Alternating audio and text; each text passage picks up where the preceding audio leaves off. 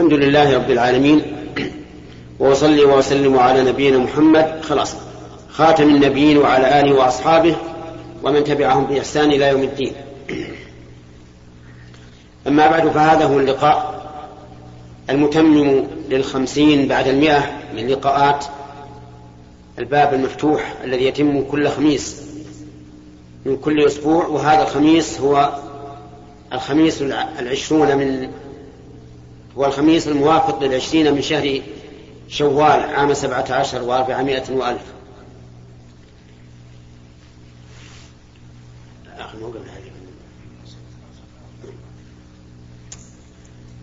آه، نبتدئ بما نعتاد أو بما اعتدنا البداءة به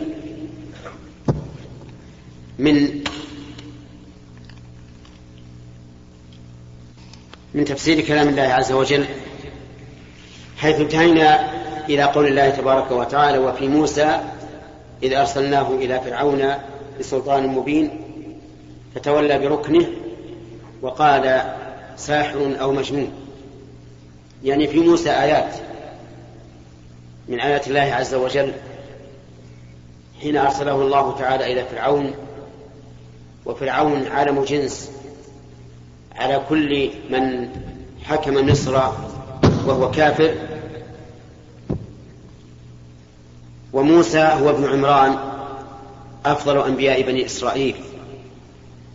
وهو في المرتبة الثالثة من الفضل بالنسبة لأولي العزم الخمسة فإن أفضلهم محمد صلى الله عليه وعلى آله وسلم ثم إبراهيم ثم موسى ثم نوح وعيسى.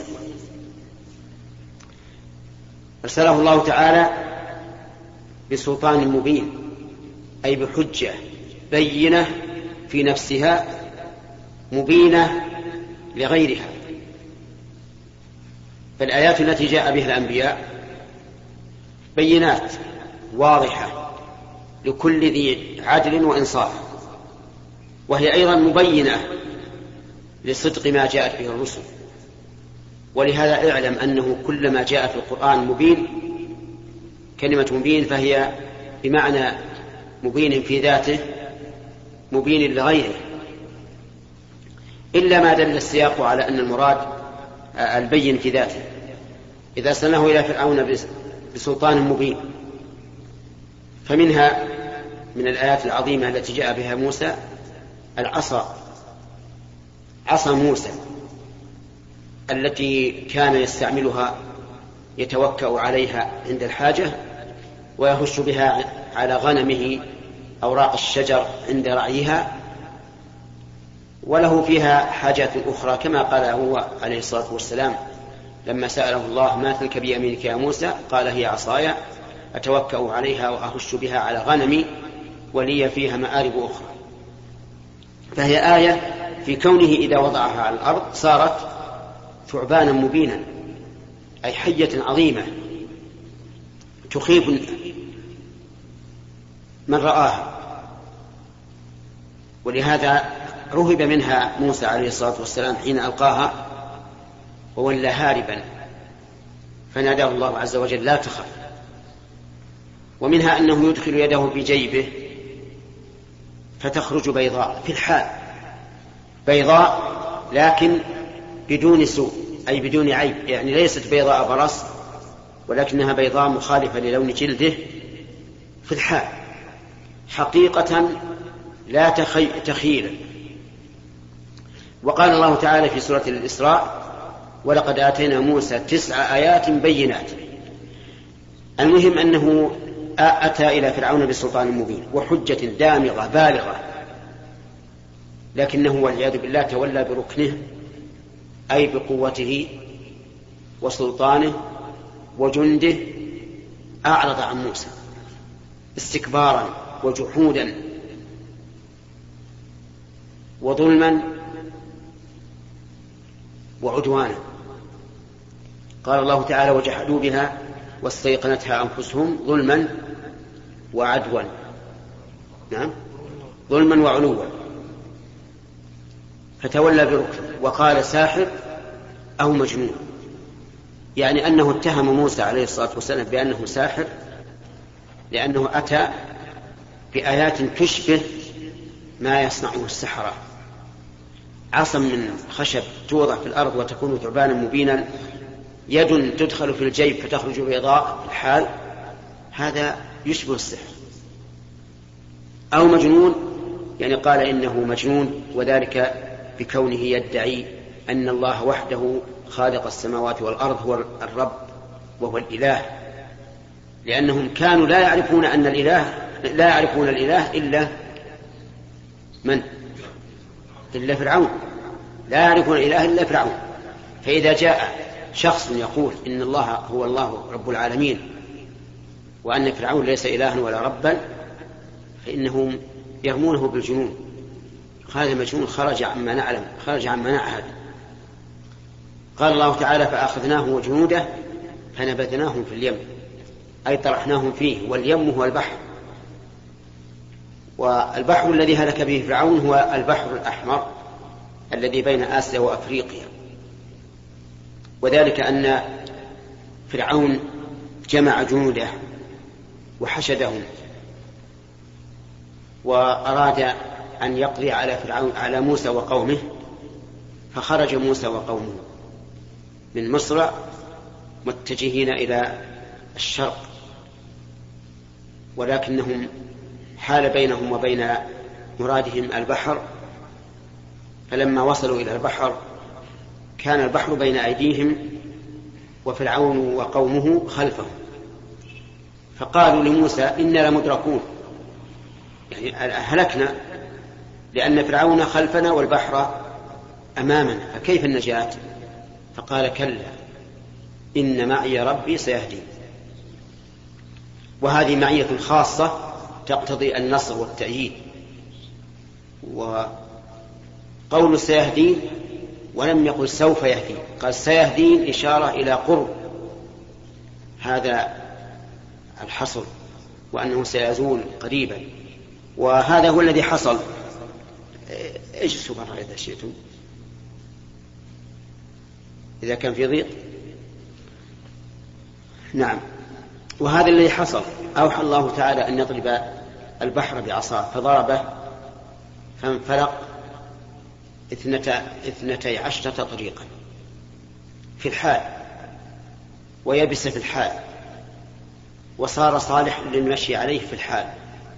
كما قال عز وجل فاضرب لهم طريقا في البحر يبسا لا تخاف دركا ولا تخشى. فعبر موسى وقومه من هذه الطرق العظيمة التي كان الماء بينها كالجبال. ولما انتهوا خارجين كان فرعون في أثرهم وانتهوا داخلين. فأمر الله عز وجل بقدرته وسلطانه أمر البحر أن يعود إلى ما كان عليه فانطبق على فرعون وقومه فهلكوا عن آخرهم والحمد لله. ولهذا قال فنبذناهم في اليم وهو مليم أي فرعون فاعل ما يلام عليه. ولا شك أن رده للرسالة الإلهية وادعاءه أنه الرب وقوله ما علمت لكم من إله غيري. وما أشبه ذلك من الكلمات لا شك أنها كلمات يلام عليها لأنه قد تبين له الحق ولكنه عاند وأبى أن ينقاد للحق. كما قال له موسى لقد علمت يعني يا فرعون ما أنزل هؤلاء إلا رب السماوات والأرض بصائر وإني لأظنك يا فرعون مثبورا ثم قال تعالى وفي عاد إذ أرسلنا عليهم الريح العقيم.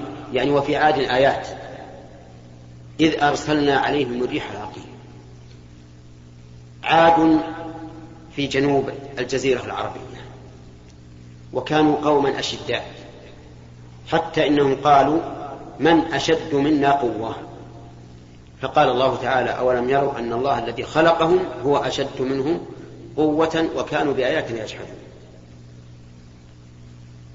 فأصابهم القحط والجد فجعلوا يترقبون المطر.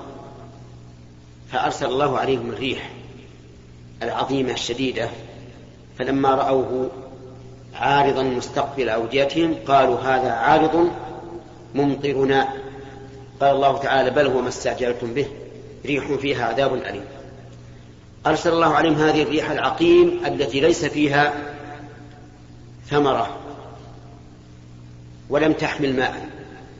كالمرأة العقيم التي لا تلد هذه أيضا ريح عظيمة لا تحمل سحابا ولا مطرا.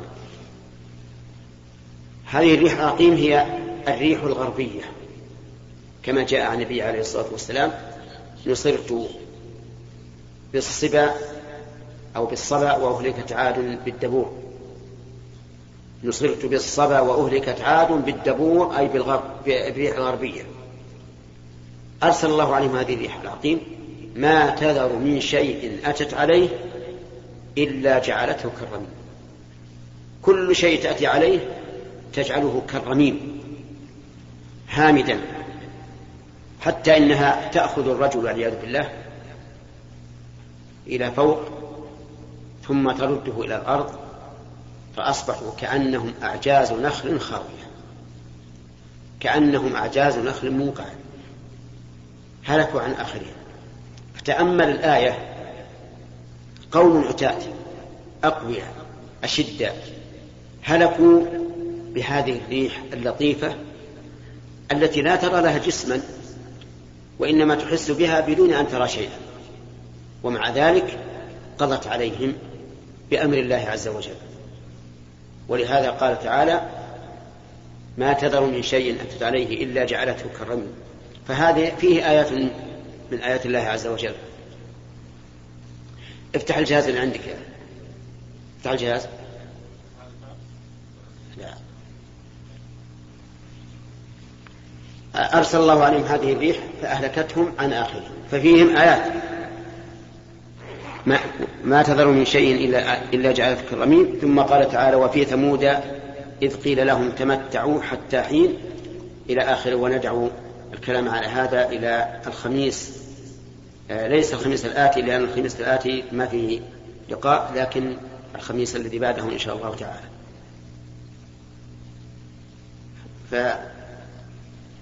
فنتفرغ الآن للأسئلة.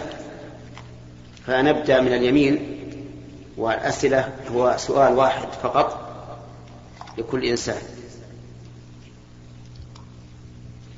أحسن الله إليك شيخنا. بالنسبة لرجل يملك دارا وفيها شقق للإيجار وبعض المؤجرين يطلب وضع جهاز التلفاز فهل له أن يمنع هذا المؤجر بوضع هذا الجهاز أم لا؟ أقول إذا كان العقد على مدة معينة فإنه لا يستطيع أن يمنعه حتى تنتهي المدة.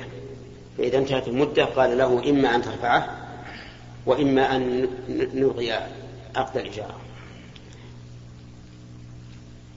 وهو في هذا الحال أي فيما إذا وضعه المستأجر في مدة الإجارة ليس عليه إثم لأنه لم يؤجل البيت من أجل هذا.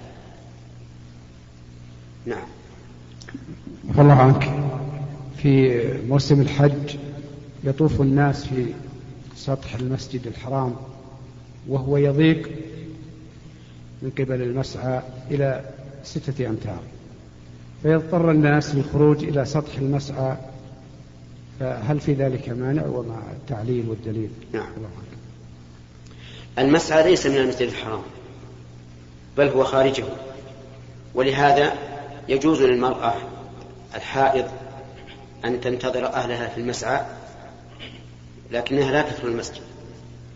ولا يجوز للمعتكف في المسجد الحرام أن يخرج إلى المسعى لأن المسعى خارج المسجد. وإذا كان كذلك فإنه لا يجوز السعي في سطح المسعى. نعم فإنه لا يجوز الطواف في سطح المسعى لأنه خارج المسجد. لكن لو حصل ضرورة كالزحام الشديد الذي لا يتمكن الإنسان معه من أن يستمر في سعي في طوافه فأرجو أن لا يكون به بأس.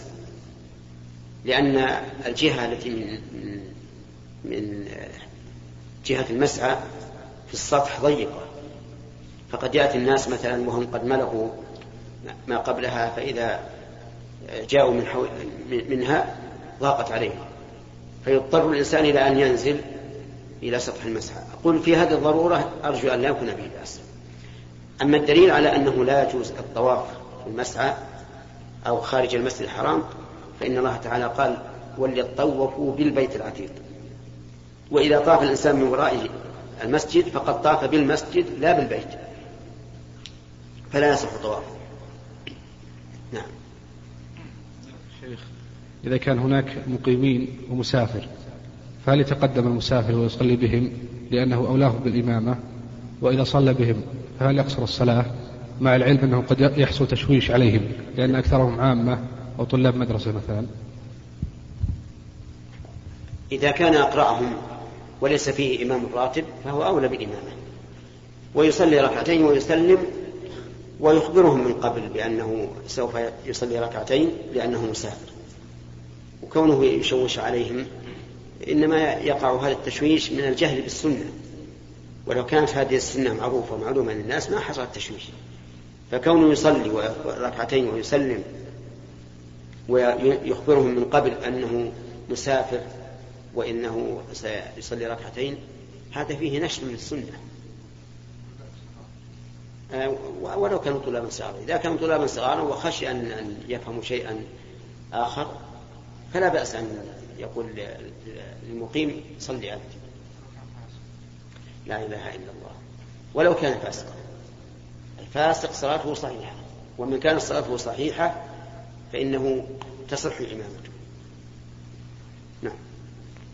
جزاك الله خير شيخ. بالنسبة لصاحب الدين إذا أراد وتقدم لطلب الزكاة فهل ينظر إلى سبب هذا الدين؟ إذا كان هذا الدين يعني لغير ضرورة أو لغير حاجة سدانه ينظر لهذا الدين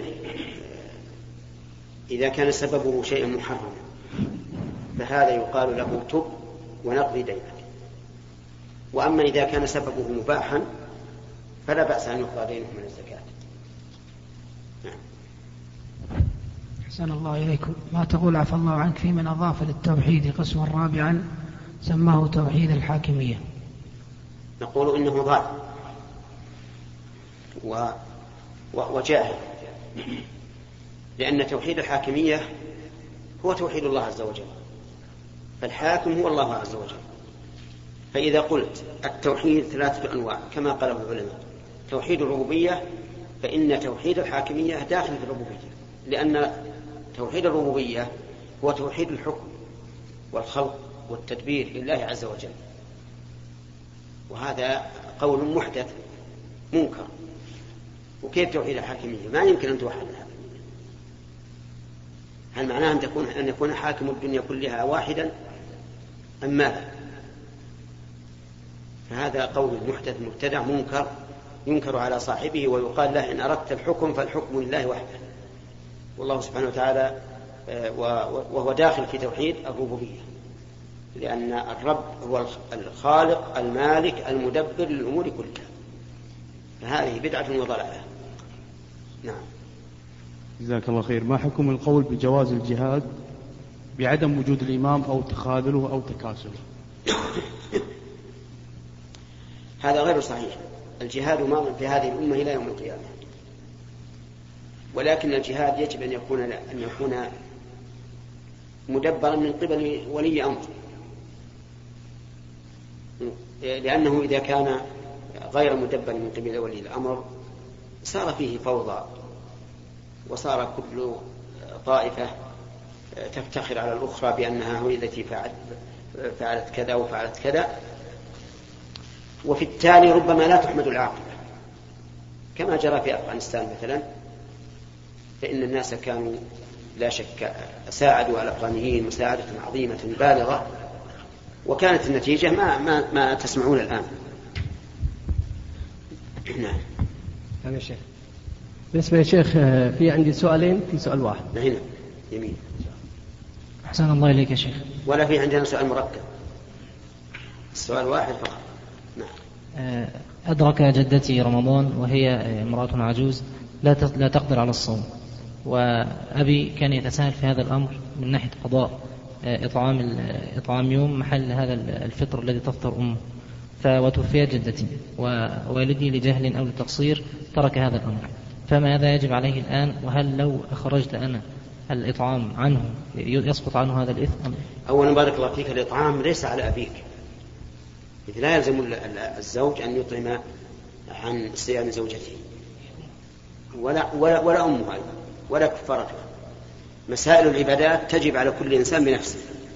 ليست من جنس النفقات. النفقات صحيح تجب على من تجب عليه النفقة حسب الشروط المعروفة عند العلماء. لكن الواجب ال- الذي يتعلق بالعبادة على نفس المكلف. على كل حال إذا أحب الآن هو أو أحد إخوته أن يطعم عن أمه عن كل يوم مسكينا فهذا جيد. نعم. هل يجوز است- استثمار أموال الزكاة والصدقات بالنسبة للجان الدعوية؟ نعم. يستثمرون أما الزكاة فلا يجوز. الزكاة لأنها لدافع حاجة الفقير الحاضر. وهو إذا استثمرها ربما يحرم الفقراء الموجودين ويستغل هذا الفقراء الذين لم يوجدوا الآن. وهي لدفع الفقراء لدفع حاجة الفقراء الحاضر فلا يجوز استثمار الزكاة في مشاريع. أما الصدقات فنعم ربما نقول إذا كانت الصدقات فائضة عن حاجة أهل البلد ورأى أن يستثمرها فهذا جيد بشرط أن لا يحرم ال- الموجودين الآن. ففهمت؟ فإذا قال قائل في الزكاة وإذا كان أهل البلد لا لا, لا, يحتاجونها قلنا أعطها البلاد الأخرى من من بلاد المسلمين في الشرق أو في الغرب. أما الصدقة فهي أوسع. فحاصل الجواب الآن وهو جواب مهم لأن بعض أهل الخير الذين يتولون مثل هذه الجمعيات يتصرفون تصرفا بحسن نية لكنه آه، غير صالح. الزكاة لا يجوز أن أن ينشأ فيها أشياء استثمارية لأنها لدفع حاجة الفقير الحاضر. فإن كان البلد ليس فيه فقراء نقلت إلى أقرب البلاد إليه. أما الصدقة فهي أوسع. فيمكن أن يقال إذا كان أهل البلد ليسوا محتاجين إليها أن ينشأ فيها أشياء استثمارية. نعم فضيلة الشيخ الرسول عليه الصلاة والسلام في الحديث الصحيح الذي يشرب بأن الله إنما يجرجر ببطنه نار جهنم. فهل الذي آه، يتخذ الفضة للزينة لا يدخل تحت هذا الوعيد وهل هو محرم؟ هذه فيها خلاف بين العلماء. من العلماء من يقول إن اتخاذ آنية الذهب والفضة حرام سواء استعملت أو لم تستعمل وسواء استعملت في الأكل والشرب أو أم في غيره. ولكن الصحيح أنها إنما يحرم استعمالها في الأكل والشرب فقط. لأن النبي صلى الله عليه وسلم إنما نهى عن الأكل والشرب. والنهي تخصيص لعموم قوله تعالى هو الذي خلق لكم ما في الأرض جميعا. فإذا كان كل ما في الأرض فهو لنا ننتفع به حيث لا نهي فيه فإنه يدخل في ذلك اتخاذها للزينة أو استعمالها مثلا في غير الأكل والشرب. كما لو استعملها في حفظ بعض الأدوية أو حفظ الدراهم أو ما أشبه ذلك. هذا هو الصحيح. وإذا كان الرسول إنما نهى عن الأكل والشرب فسكوته عن الآخر عن بقية الانتفاع يدل على الجواز. هذا هو الذي يترجح عندي والمسألة فيها خلاف بين العلماء. نعم. هل- يعد نتف شعر وجه المرأة من وساقين اي نعم آه، النمص هو نتف شعر الوجه. الوجه كامل ولا؟ آه، مطلقا الوجه. من الأذن إلى الأذن ومن منحنى الجبهة إلى أسفل اللحية والساقين والذراعين لا ما ما تدخل في هذا لأنها ليست هو النمص المعروف عند العرب. لكن مع ذلك نقول إزالة الشعر من من الساقين والذراعين وما أشبه ذلك إن كان لحاجة مثل أن يكون الشعر كثيرا مشوها. فلا بأس. وإلا فإن الأفضل التحرز منه نعم. إذا كان هناك ضابط في التعامل مع أهل الفرق الضالة والجماعات وأفرادها إي نعم. من جهة من جهة السلام ولا من جهة البيع والشراء؟ من جهة السلام سلم على كل إنسان إلا إلا الكافر. الكافر لا تبدأ بالسلام.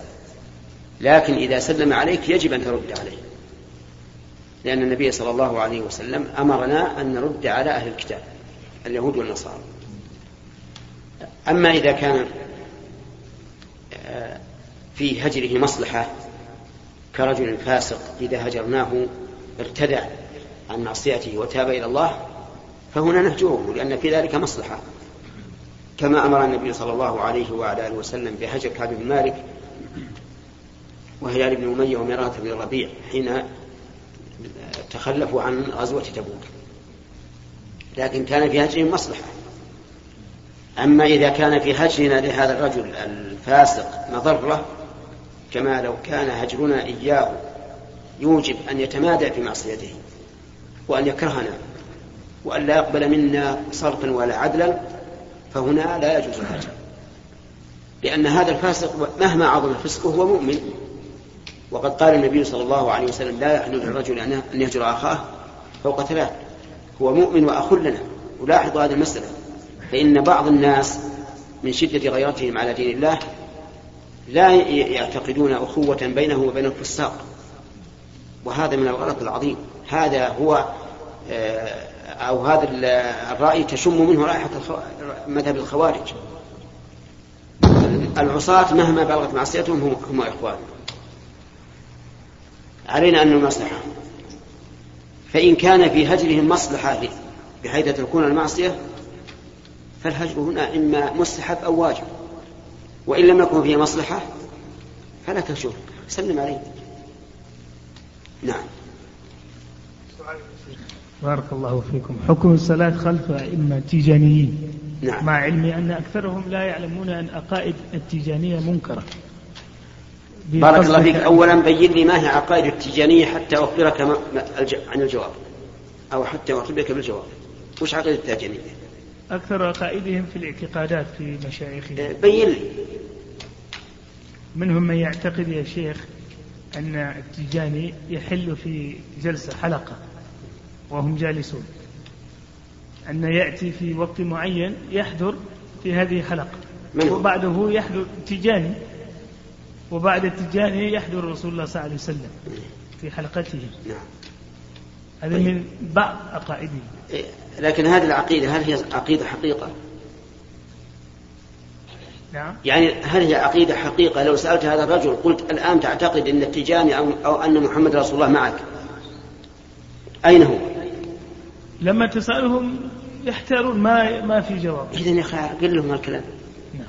فلهم من هذا خيالات. فأعتقد أنك إذا بينت لهم هذا فما أسهل أنت أن أن أن يرجعوا عن عن, عن هذه العقيدة الفاسدة مبنية على خيال نعم. نعم.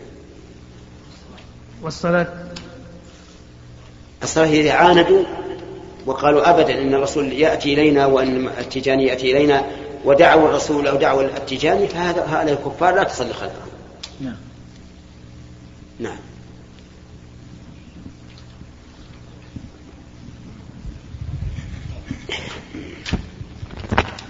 شيخ بالنسبة للأحكام الوضعية في كثير من البلاد تحكم أحكام وضعية كما معروف. الشق الأول معروف أن الإنسان مكره قد يكره على يعني القبول بحكم وضعي مكره. لكن الحال فيما في من يعني له حقوق عند الناس ظلم وأخذ ماله وغير ذلك. فهو حتى يحصل على هذا ما يحتاج إلى أن يعني يتحاكم إلى هذا الحكم الوضعي. وقد يكون في هذا الحكم الوضعي ما هو مخالف وهو كثير مخالف فهل هناك يعني إطلاق في التحاكم أو هناك تقييد دون الآخر إذا لم نجد إذا لم نجد محكمة تحكم بالشريعة. وصار مال حقوقنا ستضيع فإننا نتحكم إليهم لا على أن حكمهم شرع ولكن نجعل